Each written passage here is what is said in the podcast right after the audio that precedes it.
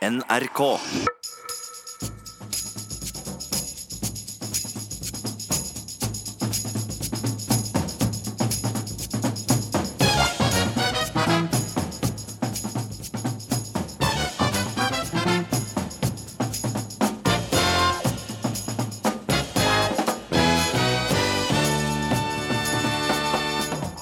Megler Knut Storberget brukte sjokolade for å lokke Troms og Finnmark sammen til ett fylke.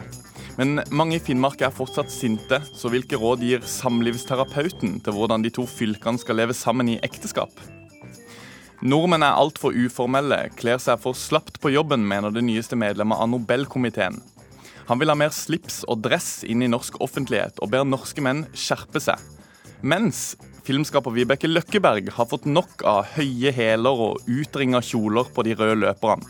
Hun møter Ingeborg Sørensen, som vil ha mer pynt på den røde løperen til debatt. Mitt navn er Daniel Eriksen. Velkommen til ukeslutt, der vi selvfølgelig også skal snakke om dette. Det er 7-8 meter til Sverige! Marit Bjørgen skal klare dette! Skal hun ikke det, da? 50 meter igjen nå! Jo da, det går! Marit Bjørgen slår Stina Nilsson, og Norge vinner sitt fjerde OL-gull i stafett! For en thriller, for en duell! Bjørgen slår Nilsson! Norge slår Sverige! Så deilig, da! For fire år siden gikk Norge på en kjempesmell på kvinnestafetten i OL, men i dag ble det gull. Marit Bjørgen hadde verdens beste spurter i ryggen hele siste etappen, men klarte på utrolig vis å holde Stina Nilsson unna.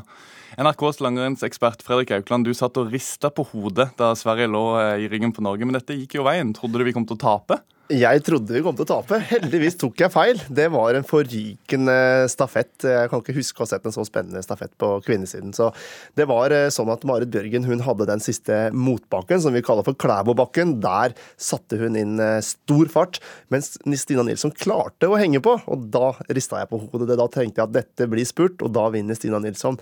Men så gjorde da Marit Bjørgen det taktiske manøveren at hun satte opp enda større fart over toppen og ned i bakken og fikk ti meter. Det var dette som avgjorde. Vi skal høre litt fra henne.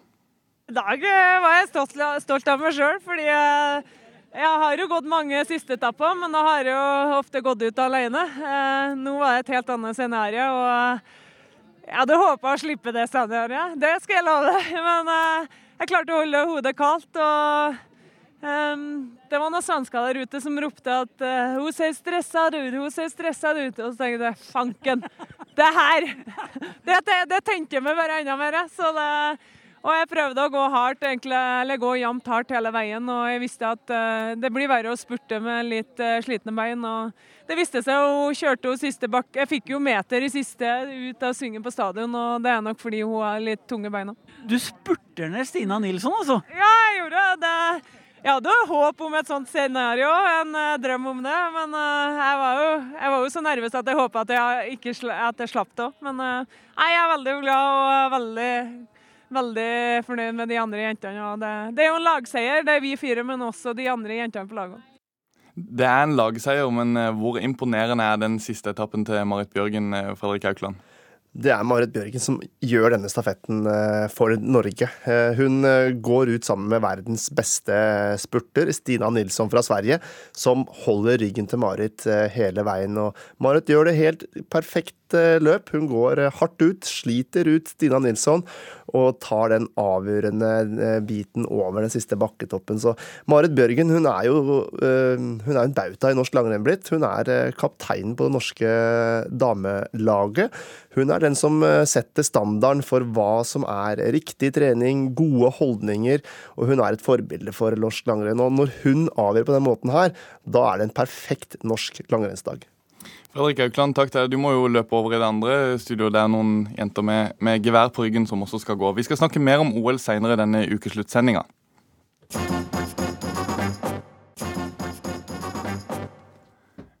Men først, det blir snart eh, parterapi her i ukeslutt, for vi skal til tvangsekteskapet mellom Troms og Finnmark.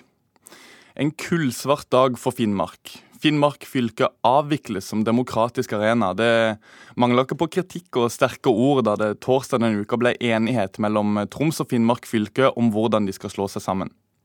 Forhandlingene hadde brutt sammen mange ganger, for eh, mange i Finnmark har vært sterkt mot dette. Vi skal høre noen kritiske stemmer på gata i Alta. Jeg er litt redd for at det er starten på en nedbygging, og at eh, det kommer til å bli færre funksjoner i Vadsø etter hvert. At Finnmark på en måte blir virkelig utkanten. Vi er jo allerede utkanten av Norge, men at det blir også utkanten av eh, det nye fylket. Etter hvert så tror jeg også vi vil miste noen av de særrettighetene vi har. Og Finnmark vil i det lange løp tror jeg tape på det. Men i det hele tatt så burde regjeringa rydde opp i det her, og de burde selvfølgelig hørt på folk i de her områdene. og Det blir en sentraliseringsreform som veldig mye annet for tida. Håpløst. Jeg syns at Finnmark er stort nok fra før.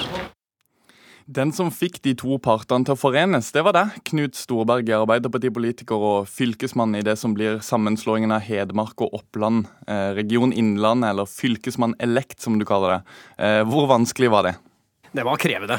Eh, og det er klart at eh, her hadde vi med to parter eh, med gode representanter som var utrolig flinke til å fremme sin sak. Men samtidig så opplever jeg som megler i en sånn situasjon at det er ganske annerledes å lese disse i pressen og se hvor steile frontene er, og når du setter deg ned rundt et bord og spiser sammen og snakker mye sammen, Eh, og kommer litt bakafor for krav og hovedstandpunkt, eh, så ser du også ganske raskt muligheter for å kunne møtes. Du, du, vi kunne jo lese på nrk.no at du tok med deg sjokolade opp. Er det det som på en måte er trikset for å få i folk litt mat? Ja, jeg må jo sende mange takksigelser til Gjøvik sjokoladefabrikk. Det var fantastisk sjokolade. Men, men, men det er klart at fra spøk til alvor, det å kunne sitte rundt et bord og ha det bra, og, og, føle komfort, samtidig som du også føler trygghet for at i et meglingsrom så kan du komme med en del ideer. Noen er dårlige, noen er gode, uten å risikere å bli hengt ut. Det tror jeg var en nøkkel i dette. Slik at vi, vi opparbeida en god tone. Det har vært stor motstand på forhånd, spesielt fra Finnmark. Og vi har hørt en del finnmarkspolitikere fra ditt eget parti kalle torsdagen for en kullsvart dag for eh, Finnmark. Forstår du den situasjonen? Jeg kan forstå at folk sier det, eh, når man får framstilt dette som om alt skal flyttes til Tromsø. Det er sterke ord, da. Kullsvart dag. Ja, det er sterke ord. Men jeg har jo da uh, sittet og hørt diskusjonen, og også har vært med på å føre avtalen i penn, og ser hva slags enorme muligheter denne avtalen faktisk gir begge fylker. Og det er jo ikke til å legge skjul på at det som virkelig er eh, potensialet for en slik region, nordområdet, internasjonal satsing, miljø og klima og folkehelse, det er altså tre vekstavdelinger som man har valgt å legge ledelse til Vadsø. Men dette med identitet, eh, det er jo kanskje litt det det går på. Hva, hva, vil du si til de som føler de mister identiteten sin når disse to fylkene blir til ett? Ja, Da tror jeg jeg vil si det samme som jeg sier her i Innlandet, eh, hvor vi har slått sammen Hedmark og Oppland at Hedmark og hedmarkingen, eller opplendingen, forsvinner ikke fra jordens overflate. Vi har vakre kommuner oppe over Gudbrandsdalen, men også i Østerdalen og Glåmdalen og på Hadeland.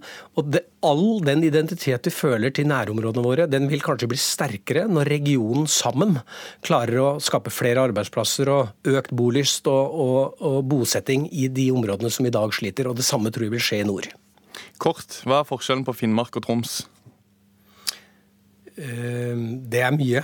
Eh, det er eh, Vi har en, to fylker som har veldig ulik organisering knytta til hvordan man f.eks. eier land og vann. Man har en kulturell forskjell. Man har et sterkt urfolkinnslag i begge fylker, men kanskje sterkest i, i, Finnmark.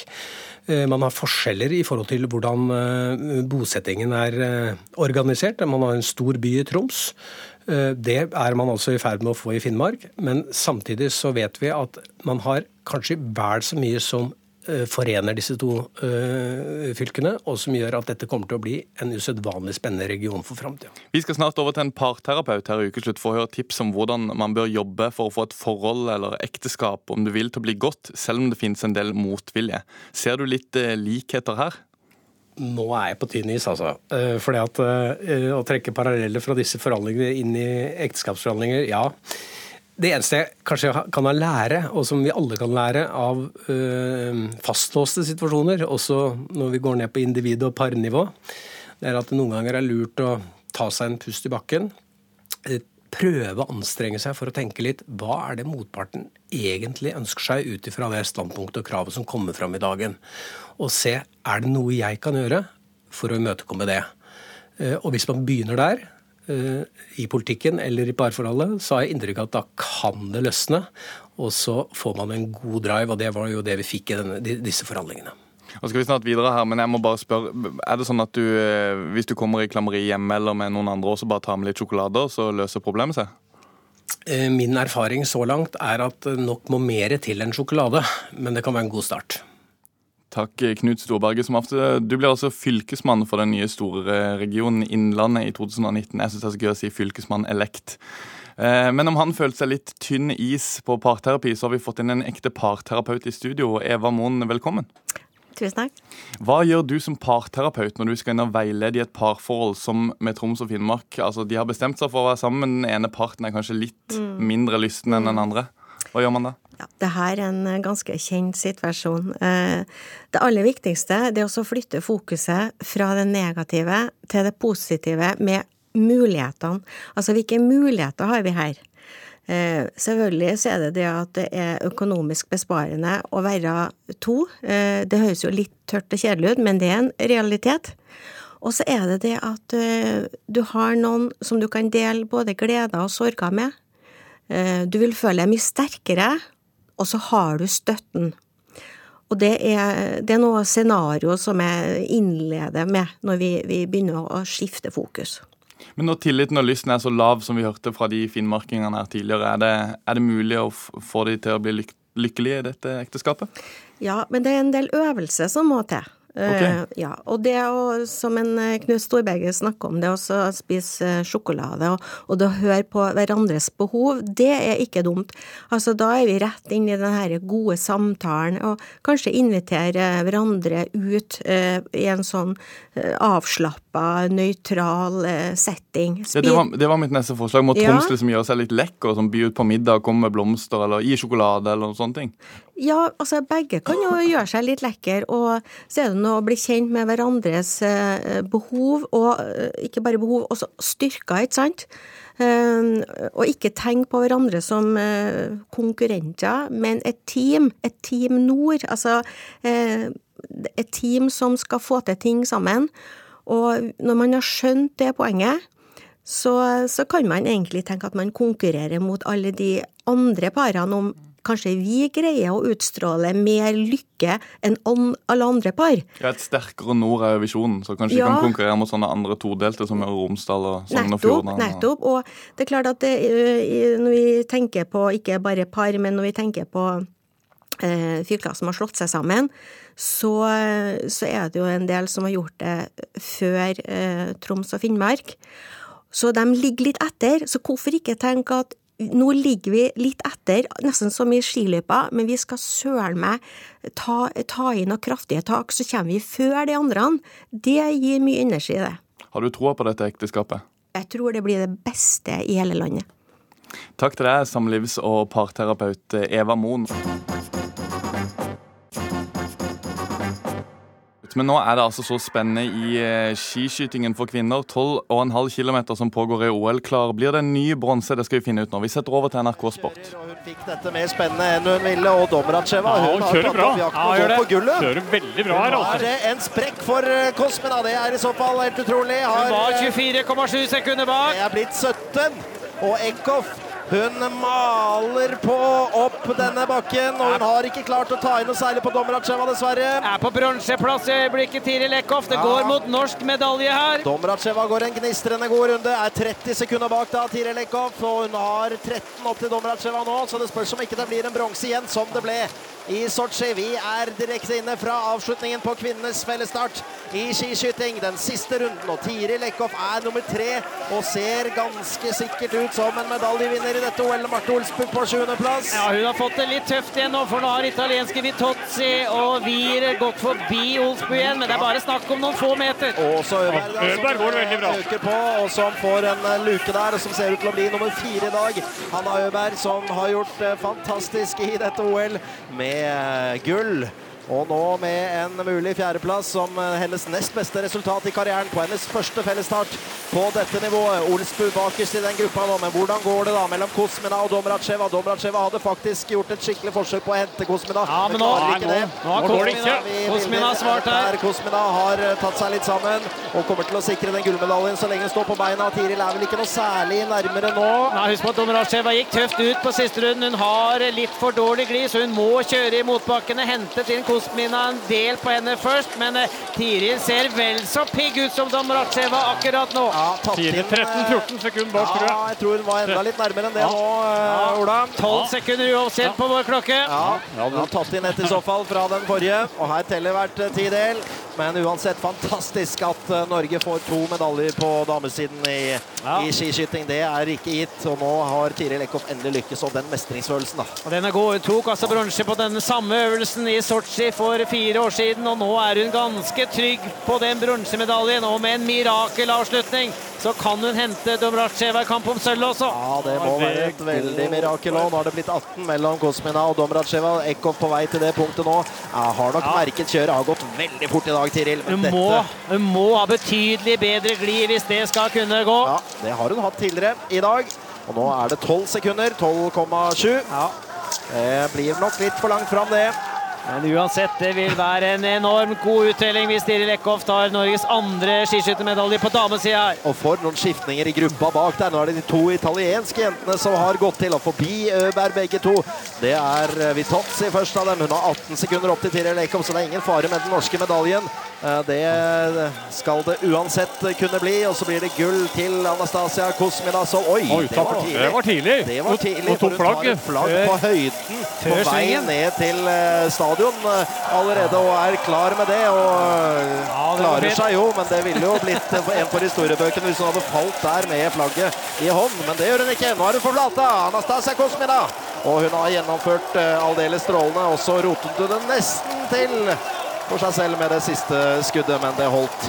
Og da er hun med det slovakiske flagget på vei inn. Og så Der! vinner hun for seg selv og for bror Anton Sjipolin og eh, det som er. Og så Domracheva på tur inn. Kommer- Og Tiril kommer Kommer er Domracheva inn til eh, sølv. Har 50 meter eh, igjen. Og så har vi Tiril Eckhoff som er på vei inn. Og norske lagledere henger over rekka og vinker til Tiril idet hun har klart et mesterstykke, nemlig å skyte 18 treff. Og ta en etterlengtet olympisk medalje. Det er deilig. Og Tiril, hun jubler. Begge nevene opp i været og jubler litt forsiktig, men veldig, veldig fornøyd. Og Tar bronse som hun gjorde i Sotsji for fire år siden da på denne distansen. Og Marte Olsbu viser at Norge har et kjempebra lag på mikstafett når vi kommer så langt, for hun er eh, Vi i Ukeslutt gratulerer Tiril Eckhoff med bronse, men eh, nå skal vi over til noe helt annet. For er mange norske menn uflidde? Fremskrittspartiets splitter nye nyvalgte medlem i Nobelkomiteen mener absolutt det. Asle Toje er en såkalt sharp dresser, dvs. Si at han kler seg i dress, vest og slips hver eneste dag. Og han har liten forståelse for de som går i fritidssøy på jobben. Ja, eh, eh, folk må bare skjerpe seg. Eh, det, er, eh, det er en del sånn forfall i Norge. og Det er, liksom, det er på tide at noen sier rett ut at det er ikke akseptabelt å gå med joggeklær inne, hjemme. Det er ikke greit. Ja, og det er ikke greit å gå eh, og, og vasse rundt på jobb i allværsjakker og skitne T-skjorter. Det går ikke. Forskningsdirektør ved Nobelinstituttet Asle Toje blir nesten irritert når han blir spurt om norske menns klesvaner. Ha, ha litt respekt for deg selv, ha respekt for andre. Kle deg ordentlig. Fremskrittspartiets nyvalgte mann til Nobelkomiteen står foran meg i grønn ullvest og mørkebrunt ullslips, og synes flere bør følge hans eksempel. Slips er noen ting som du har på deg, eh, i hvert fall utenfor Norges grenser, for eh, å vise at du er på jobb. At, dette, at du da representerer at det er ikke person, det, din person som er det sentrale her, men at du fyller en rolle. At du er på betalt tid. I Norge har vi snudd litt på det, og folk bruker slips når de er i familiesammenheng, men ikke på jobb. Vi er rare. Men altså, hvordan vil du beskrive den norske stilen? Liksom sånn Um, for å si det med, med Mette-Marit utagerende. Uformell. Uh, og det er ikke alltid en bra ting. Hvis de mener alvor med, deg, med det, så syns jeg nesten det er alvorlig. Og, nest, og komisk på samme tida. Det er, der er altfor mye slips som det er i dag, er jo min mening. Arne Thorsen Eie er daglig leder i idrettsrådet i Stavanger. Han har på seg blå genser og dongeribukse og Gore-Tex-sko. Thorsen Eie har et svært anstrengt forhold til dress og slips. Vi har en regel på kontoret, eh, for vi, jo, vi har noen regler vi òg. Og det ene når det gjelder kleskode, det er jo at det, er klær det er påbudt. Eh, og dress det er forbudt. Det er, det er ikke bare slipset for deg? Det hele... Nei, det er hele den munduren med disse buksene og pressbok, Alt det der som er liksom Det funker jo ikke. Eh, det er liksom Det er en sånn en uniform som du trer på deg, eh, som, som ikke har noe Som, som sagt så fungerer ikke som klær eh, utover at noen ser at du har en dress på deg. og og sånt. Hva om noen oppfatter deg som mer useriøs eller sløv fordi du ikke går i denne mannlige festuniformen? ja, da får, de, da, får de, da får de gjøre det. Hvis det er en større høytidelig og festlighet, så, så, tenker jeg jo meg litt mer om hva jeg tar på meg. Selvfølgelig gjør jeg det. Men jeg tror òg det at det går i aldeles normale klær, det er iallfall det som jeg definerer som normalt, det skaper, det skaper, en god atmosfære når folk kommer inn på kontorene, og, eh, og, og det, det, skaper kontakt. Mer eller at vi kler oss opp og veldig mer oppdressa, eller de som på en måte skal oppsøke oss, for å si det sånn. Men hva sier folket? Vil de ha slips, eller vil de helst slippe? Jo, jeg syns jo det, men slips er litt stilig. Det er det. Ja, hvorfor det? Det er bare er de litt sånn mer oppdressa, da. Litt, litt, mer sånn ja, litt mer stil over det. Eh, kanskje med slips? Jeg vet ikke. Ja. ja hvorfor det? Jeg har ikke tenkt så mye på det. Eh, det, jo, det ser jo fint ut, da. Jeg syns det er mye styr med slips. Har ikke lært meg sånn slipsknut, og, så da blir det ofte at jeg kjører uten. da. Og føler meg fin da òg, da. Hva er ditt forhold til slips? Det er litt morsomt å ha på seg. Uh, men det blir liksom strammende rundt halsen. Så i så fall er det bedre å se på. Uh, dette er uh, det man på engelsk kaller the old school tie. Følg med nå. Man tar den ene enden. Den, den, den, korte enden. Asle Toje, snart medlem av Nobelkomiteen for Frp, vil gjerne lære bort kunsten å knyte slips. Du tar den, du tar den tynne enden, presser den mot hjertet ditt. Og så, så starter man da med en, en hel del rytmiske bevegelser. Surrer, Surrer litt i hånda. Rundt to ganger, og så drar du den gjennom. Så vipper man det under vesten. Så er det viktig, veldig viktig å sørge for at, at slipset ikke ender nedenfor skjort, skjortelinningen. Her, på kragen. Og så er du ferdig. Mange bruker jo dress og slips som festantrekk. Mhm. Hvis du går med det til hverdags, tar du ikke litt av festen ut av det antrekket da? Ja, men man kunne jo forsøke å snu på det og være uformelle når man er sammen med familien sin, og være formelle når man faktisk er betalt for å være det. Det er bare en crazy idé, men kanskje vi skulle prøve. Enkelte ville finne glede i å prøve det. Men hva er det første du gjør når du kommer hjem? Ja, da tar jeg på meg et uformelt slips. Nei, det, det, det, jeg, jeg kler meg som en dass hjemme i, i, i jeans og, og, og, og, ullgenser. Men da er jeg på privaten. Da kan man jo kle seg akkurat sånn som man vil. Det er også kanskje en sånn engelsk ting om at på privaten så, så er, det, er det lov til å være akkurat så shabby som det du egentlig er. Så når jeg står i jeans og ullgenser, så er det Et tegn på at du jobber for NRK. Det var reporter Kari Li som hadde laga denne saken om manneklær. Senere i sendinga skal vi høre, en, høre en debatt om hvorvidt kvinner skal kle seg opp eller ned når de skal gå på den røde løperen. Hvordan har OL egentlig gått? Anders Båsmo Christiansen vil gjerne ha Northug i mesterskapet, men det har vel gått ganske greit uten? Vi tar en oppsummering og ser fremover mot, med han og resten av OL-panelet vårt. Da bussjåføren Per Bakke døde, flomma sosiale medier over av hilsener fra tidligere passasjerer. Du skal få høre hvorfor passasjerene mener han var en helt spesiell sjåfør. Men før den tid skal vi til filmfestivalen i Berlin, populært kalt Berlinalen. For den er i full gang, men det er utenfor kinosalene det virkelige dramaet utspiller seg. Den tyske skuespilleren Anna Bryggemann har sett seg lei på utringa kjoler og høye hæler på den røde løperen. Hun har lansert hashtaggen hashtag nobody's doll, der målet er å få kvinner til å kle seg som de vil, uavhengig av konvensjoner og forventninger. Regissør og skuespiller Vibeke Løkkeberg, du ga Bryggemann støtte i Vårt Land, der du sa deg enig i kritikken og lurte på hvordan dette har fått holde på så lenge.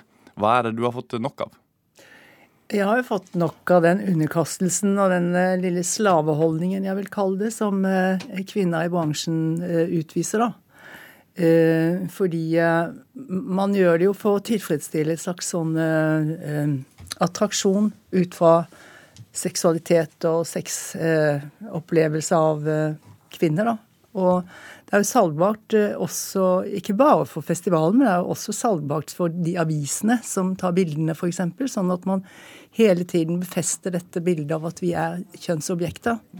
I Vårt Land så sier du at vi har, vi har retta oss, oss, etter et svært konservativ amerikansk eh, kjønnsrollemønster. Hva tenker du på det? Vi er, jo, vi er jo veldig i filmbransjen i hvert fall, og i mote osv. Så, videre, så er vi jo voldsomt eh, opptatt av hva Hollywood gjør.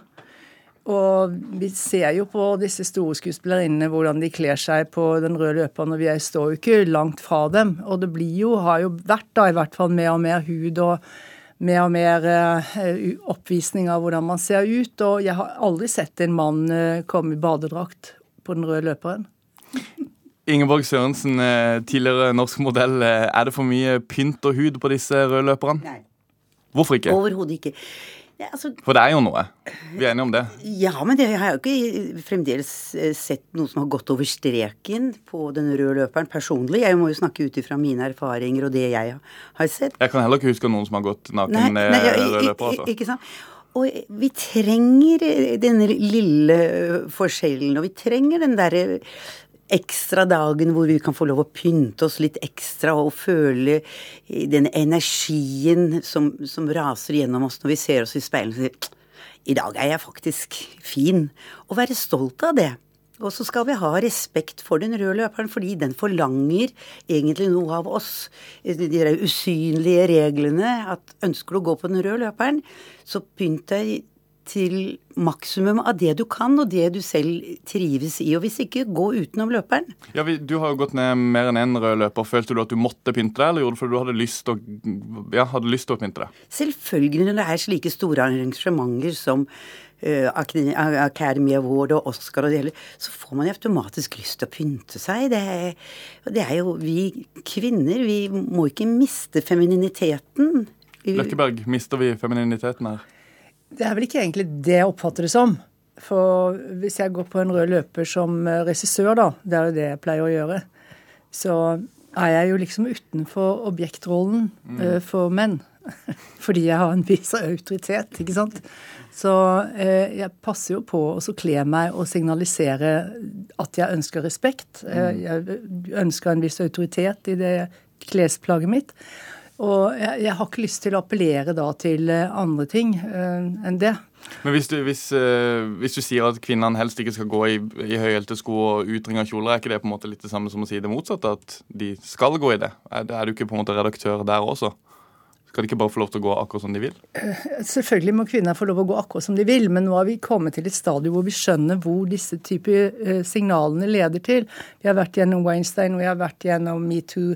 Eh, og vi ønsker vel å bli litt mer bevisste på hvilken, hvilke svar og respons vi vil ha fra omgivelsene, og pressen f.eks. Jeg ser jo fortsatt, etter at pressen har vært full av metoo og forståelse, så ser jeg hvordan de selger rumper og bryst og sex og i det hele tatt akkurat samme bilde som før. Det har ikke skjedd noen forandring. Ingeborg, er, det, er, du enig her? At det, det er litt dobbeltmoralsk at vi både har metoo samtidig som vi, det står tusenvis av fotografer og tar bilder av lettkledde kvinner på vei ned rød løper på vei i Berlin? Du verden, jeg heier på metoo. Fantastisk. Jeg har jo levd mange nok år i Amerika og i filmbransjen hvor jeg har sett plenty av dette. Men jeg har også sett plenty hvor disse unge stalettene bare de ser et kjent ansikt, noen som er berømte, hvordan de henger seg på og nesten ber om problemer. Så det, det, problemet er mye større og videre enn det vi er oppmerksomme på. Men hurra for metoo. Jeg skjønte at vi måtte innom, innom hashtag metoo her, men, men eh, eh, Løkkeberg, hvordan ville du kledd deg på Berlinalen hvis du skulle gå ned der i dag? Jeg har en sort jakke som jeg alltid tar på meg. Den henger i skapet til sånne, sånt bruk. Og så har jeg en eh, kjole som eh, kommer utenfor den. Og jeg vil absolutt si den er både dyr og fin. Men den er etter min smak fin. Ikke sant? så det er ikke det at man ikke skal se lekker og flott ut. Eh, og jeg er sikkert eh, også opptatt eh, utringet eh, om sommeren i visse sammenhenger. Men jeg passer på ikke å gå utringet hvis jeg er i en sånn offentlig situasjon Mm. hvor eh, jeg skal representere meg selv og faget mitt. Hvis vi går fra ja. Ja, jeg, jeg har jo vært i, i situasjoner eh, i Los Angeles med de store eh, arrangementene hvor designerne ringer og vil lage eh, kjolene dine. Og det sier man jo ikke nei takk til.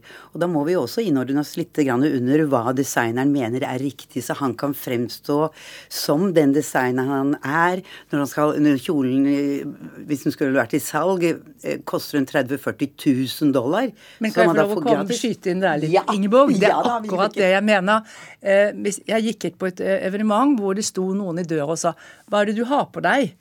Eh, Da var det eh, Sier du ikke hvem er, hvem er det du har på deg, kanskje? N- Ja, Ja. ikke sant? Du Og jeg oppfattet det faktisk ikke, så jeg sa bare klær. Og du vet, Det ble en stor vits på dette selskapet at Vibeke Løkkeberg hadde sagt svart klær istedenfor Armani, eller hva det nå de ønsket seg.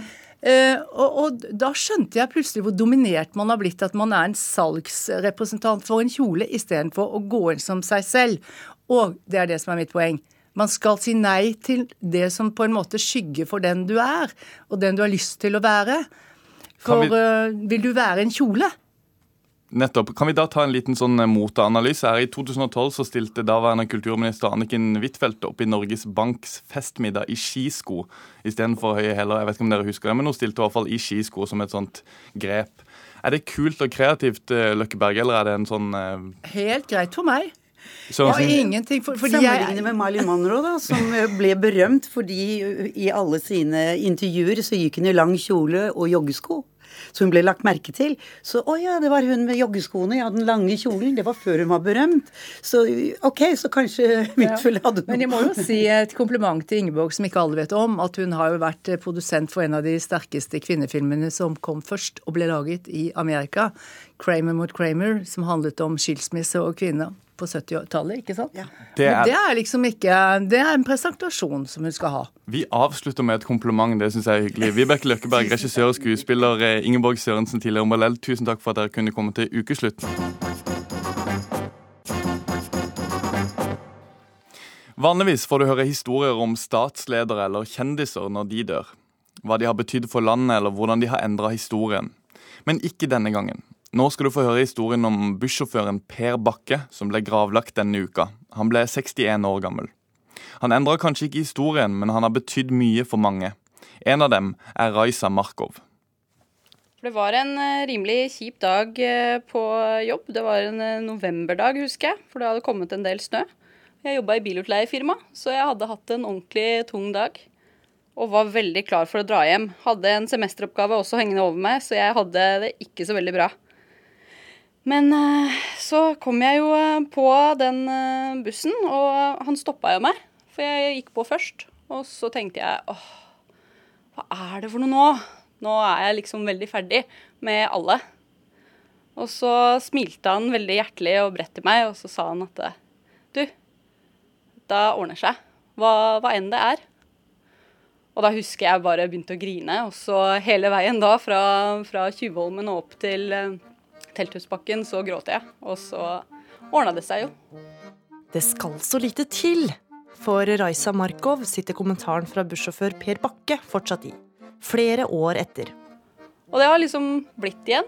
Kanskje fem år nå. Så har jeg tenkt tilbake på den totalt ukjente mannen som bare gjorde noe sånt for en, en, en ung student som, eh, som hadde en dårlig dag. Så ja, jeg tar det med meg. Jeg syns det er helt fantastisk eh, at det finnes sånne folk som han. For det er noen som gjør en ekstra forskjell. Per var en av dem. Da han døde, flomma sosiale medier over av hilsener fra tidligere passasjerer. Jeg har oppsøkt noen av dem, som Julie Skaufell. Verdens fineste bussjåfør er gått bort. Du vil bli savna av hele Oslos kollektivbrukere. Jeg kjente han ikke, men hadde gleden av å være passasjer opptil flere ganger på hans rute. Verden hadde trengt flere som han. På en buss om morgenen. Julie er student og skal ha muntlig eksamen, men veit ikke om hun orker. Kvelden før har hun fått vite at mormoren er død. Hun har ikke sovet hele natta og er lei seg. Eh, Og var litt sånn utafor, og så satt jeg på bussen, og det var han som kjørte den, bussen. Eh, Og for hver stopp så var det Han kom alltid med sånne fine eh, ordtak på ta, ta vare på hver dag i livet, du får de aldri tilbake. og Eh, husk å synge gjennom dagen, og et, en dag blir alltid bedre med et smil. Og han hadde alle sånne veldig fine ting. Eh, og da kjente jeg liksom at ja, du har helt rett. Jeg kan ikke utsette dette her. Det, den dagen her kommer ikke tilbake. Og, og med, med mormor som da også nettopp hadde gått bort, så var det en sånn her Husker det å ta vare på akkurat de øyeblikkene. Og det var, var en veldig sånn fin påminnelse i, som gjorde, gjorde at, jeg fant ut at nei, nei, jeg må jo ta den eksamen. Det gikk jo fint. og ja. Så det var, det var egentlig litt avgjørende at han kjørte bussen den dagen. Jeg fikk sjokk. Jeg kjente liksom i kroppen da, han, da jeg plutselig så at han var død. Fordi det er jo en fyr jeg ikke kjenner. Så da er det veldig rart å få en sånn personlig tilnærming til en bussjåfør. Tom Espen Kroken og historien han husker best. Jeg gikk av bussen, og så sa, jeg, sa han eh, På Ridvolls plass så lå det jo en Narvesen-kiosk.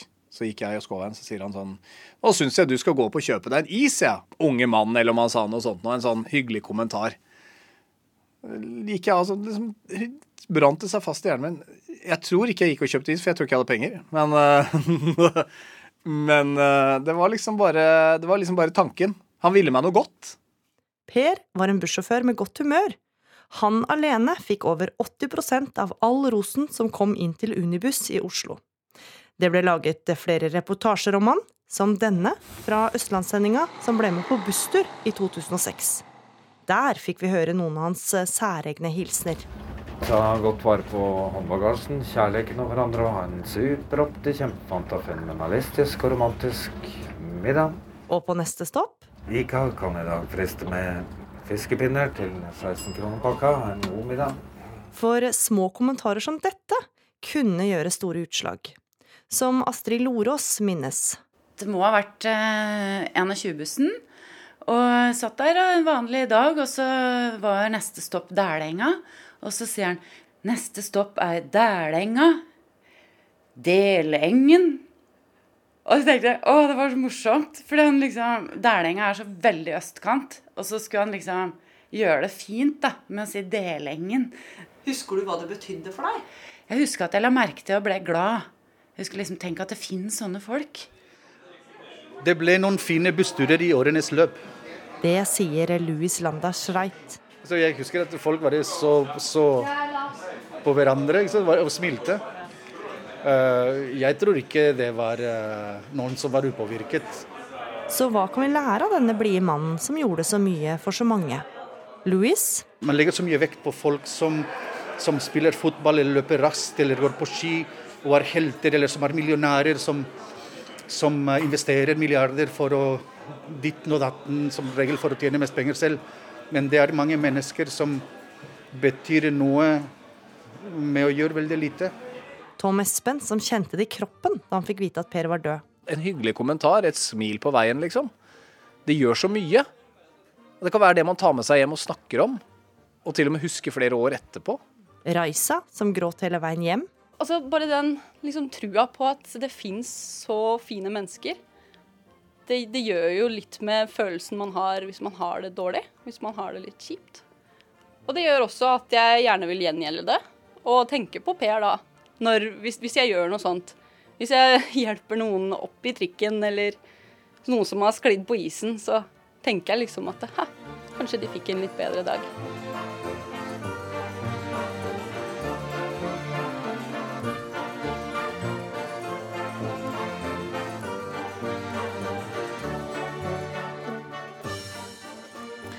Reporter her var Gry Veiby. Men nå skal vi ha mer OL. Så ble det en gulldag for Norge i OL. Som vi hørte tidligere i sendinga, Marit Bjørgen spurta inn til OL-gull i kvinnestafetten. Men det er ikke bare det sportslige som har vært i fokus denne uka. Det har vært mye snakk om vind og dårlig vær. Så i ukeslutt så koster vi på oss en liten OL-analyse av det vi har sett så langt. Og i studio nå har vi fått deg, Hårek Elvenes. Det er derfor du, du, prøver å sitte så rolig som mulig, for du har på deg to sånne bjeller som er trukket over OL-genseren fra 94. Du sysler vanligvis med politiske saker i utenriks- og forsvarskomiteen, men akkurat nå kan vi vel si at du er mest opptatt av OL? Ja, et ærlig svar er vel at jeg akkurat i disse dager er mest opptatt av OL. Det er jo tross alt kun hvert fjerde år at det arrangeres OL, så jeg, det er jo litt med god samvittighet også. Men det er jo noen fantastiske dager for norsk idrett. I dag kom vel det syvende gullet, og gullene har jo tikka inn på løpende bånd. Eh, og allerede tidligere i uka så passerte vi jo flere gull enn vi hadde i eh, Lake Placid, eh, Calgary og Sarajevo til sammen. Så dette tegner til å bli et meget meget godt OL for Norge. Jeg er født i 88, så det er veldig godt å høre at noen har den historiske bakgrunnen. Anders Borsmo Christiansen, skuespiller og veldig sportsinteressert. Mange fikk med seg din frustrasjon da Petter Northug ble tatt ut i verdenscupen, men det har vel gått ganske greit sånn foreløpig? Ja, ja, ja. Det har gått kjempefint. Det har vært fullt av store øyeblikk. og det er jo noe med både de der som har store presset på seg, Johannes Tingnes Bø, Klæbo, de innfrir. Det var rørende da Bjørgen tok spurten i dag. Og så har du noe med ja, også Simen Hegstad Kruger som, som, som, først detter og går inn på tremila. Det er store øyeblikk. Og så har du selvfølgelig at vi vant det utforgullet med Aksel og dobbeltseier i tillegg. Endelig tok vi det OL-utforgullet. Vi har også med oss Linda Eide, forfatter og journalist i NRK. Hun har bl.a. laget et program om opprinnelsen til ulike idretter. Det har vært mye snakk om vind denne uka, men det har ikke hatt noe å si for din favorittidrett. Kan Nei. du fortelle hva den er? Ja, nå er det nett så vidt jeg kan sitte stilt på stolen, og jeg veit at uh, Norge tok uh, gull i stafett uh, kvinner, men ingenting slår det som skjedde i natt. Ok, hva, hva, Hvilken idrett er dette? Dette er kunstløp. Dette er selvfølgelig kunstløp. Hva er det som er så fantastisk med kunstløp? Ja, ja, det er mm, For det første opphever de De opphever tyngdelover. De gjør ting du ikke tror et menneske kan gjøre med skøyter på beinet. Og de gjør det til musikk. Og de ser helt fantastiske ut.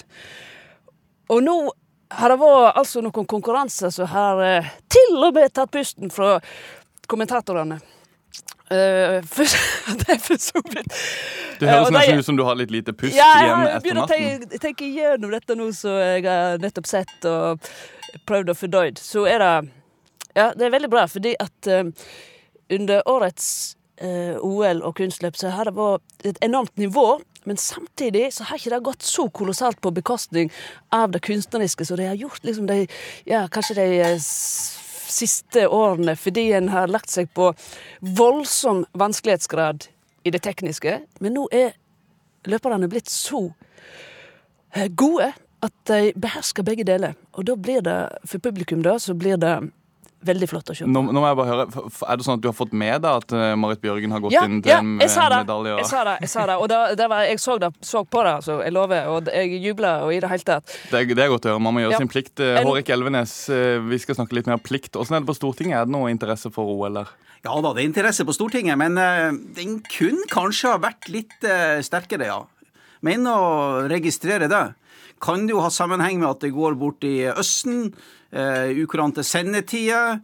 Eh, vi skriver litt på den kontoen der, men eh, Stortinget burde la seg begeistre og tenne begeistringens ild eh, ved hver gullmedalje som kongeriket drar i land. Den har jeg ikke helt sett. Så kanskje hvis vi får OL i Europa, så kommer også begeistringa litt nærmere. Ja, hvor mye har det prega ditt OL, Anders Båsmo Christiansen? At det har gått midt på natta, og at du snakka om Utfor gullet, det var klokka tre på natta? Ja, jeg har nettopp blitt småbarnsfar, så jeg driver også, også må opp og vugge litt. alt jeg må si. Så, så, det har gått greit, det, altså. Det var fint tima. Uh, ja, ja. Jeg, og jeg syns veldig sånn, spesielt sånn morgenkvisten sånn eh, sju-åtte, å sitte og se på da, det er jo kjempe til morgenkaffen. Det er jo helt supert, det. Jeg er enig i det, altså. Ja. Eh, jeg leste i VG at ikke siden 1924 har en norsk langrennsløper gjort det bedre i en OL-debut enn Simen Hegstad Krüger. Var det kanskje like greit at vi ikke tok med Northug? Ja, altså jeg er jo altså På Beitostølen før sesongåpninga så var det jo to som vant, og det var Klæbo og Krüger. Og de har de som har tatt uh, gull så langt også. Uh, så det er jo helt fantastisk. Og spesielt den derre underdog-greia. Ragnhild Haga også, hennes gull. Det er jo fantastiske følelser rundt det. Uh, så, så men, men, vi er fan av Northug, og, og, og vi håper jo at han ikke er, er ferdig ennå, så, så, vi syns han fortjener en verdig avslutning. Denne sesongen her har jo gått helt i vasken med sykdom og sånne ting. Men før sesongen så ryktes han å være i brukbar form, og vi syns han fortjente å, å, å, ikke bli på en måte motarbeidet fram mot et OL. Eh, nå er det på en måte glemt, men vi håper jo at han klarer full skjerpings fra Northug-leiren og minst mulig motstand fra forbundet, at de kan samarbeide litt bedre. Så kan vi jo se Northug og Klæbo på en sprintstafett i neste VM i Seefeld f.eks. Da kunne kongen overlatte tronen til kronprinsen, f.eks. Det kunne vært vi, vi, er glad i dramaturgien. Vet. du. Absolutt. Linda Eide, er det, følger du også med midt på natta? Du ser jo kunstløp. Ja, jeg ser det om morgenen før jeg får vite resultatene. Jeg så kortprogrammet til parløpet om natta. Men så, det, er, altså det er jo et krevende OL på alle vis for å få det med seg, for det går til ukurante tider. Samtidig så har en jo nå oppdaga innspilling og internett sin eh, glede, da, nemlig at du kan se det i ettertid. Og du kan òg spole over reklamen hvis du ser det i ettertid. Det er ikke dumt i det ja, hele tatt. Nei, faktisk ikke. Og så er det en viktig ting med OL, syns jeg. Og det er at det er et arrangement der du òg får sett andre ting enn de klassiske nordiske greiene. Som jeg er superglad i, for all del. Men bare nett nå er det jo kortbaneløp, og det er helt hysterisk stemning inni eh, skøytehallen der, for at eh, Korea har jo vunnet for damer. Og i kunstløp så er det 12 000 kompetente, elleville publikummere, og en kan få se bob og skeleton og snowboard. Altså ting som Så du liker de litt mer alternative idrettene? Men de er ikke alternative. Men det er, altså, Det er det er alternativ fra oss i Norge som liker å se på Ja, jeg langrenn. skjønner det. jeg skjønner det. Ja, jeg gjør det fordi at det er bare da vi her i Norge får sett dette. Mm. Og nå er det altså så mye gode kommenteringer på kunstløp. Er det århundrets beste kommentatorer til nå i kunstløp, som kan så mye, og så holder munnen når det trengs, og så forteller publikum hva vi skal se etter, eh, f.eks. når løperne er ferdig. Så det er, jeg kan bare anbefale å se litt i ettertid, sånne idretter som ikke nødvendigvis en må se når de går direkte. Jeg tror kunstløp aldri har fått bedre reklame på NRK radio enn akkurat nå. Eh, vi har ikke altfor mye, vi har ikke alt mye til igjen Hårek, men mange har klaget over den eh, voldsomme vinden. Og noen har sagt eh, burde kanskje OL vært i Tromsø, der de har hatt kjempevær. Hva tenker du om det? Ja, Nå er jo vintersport en utendørsidrett, så man må jo regne med vind. eh, Med fare for litt ulike forhold. Ja, slik som været har vært i Tromsø de siste to månedene, så kunne man utmerket godt ha arrangert Tromsø, nei, OL i Tromsø hvis du eh, kun ser på været. Det kunne ha blitt et glitrende OL, det. Men vi vet jo også at vinteren i Tromsø den kan være helt annerledes enn den har vært i år. De polare lavtrykkene de kan komme fort, og da snur været veldig fort. Så eh, ja, hadde OL vært i Tromsø i år, så har det vært et spektakulært OL og en fantastisk Nord-Norge og Norgesreklame. Men eh, det ble jo ikke det, da. Det ble ikke det, men vi skal ikke gi oss med. Eh, Takk eh, Hårek Elvenes, Anders Båsmo Kristiansen og Linda Eide for at dere kunne være med i Ukeslutt. Vi i eh, Ukeslutt vil gratulere Tiril Eckhoff med nok en bronsemedalje, og selvfølgelig gullet til Marit Bjørgen. Ansvarlig for denne sendingen var Andrea Kvamme Hagen. Teknisk ansvarlig var Eli Kirkebø, og i studio Daniel Eriksen. Du kan høre Ukeslutt på nrk.no slash radio i radiospilleren. Takk for oss.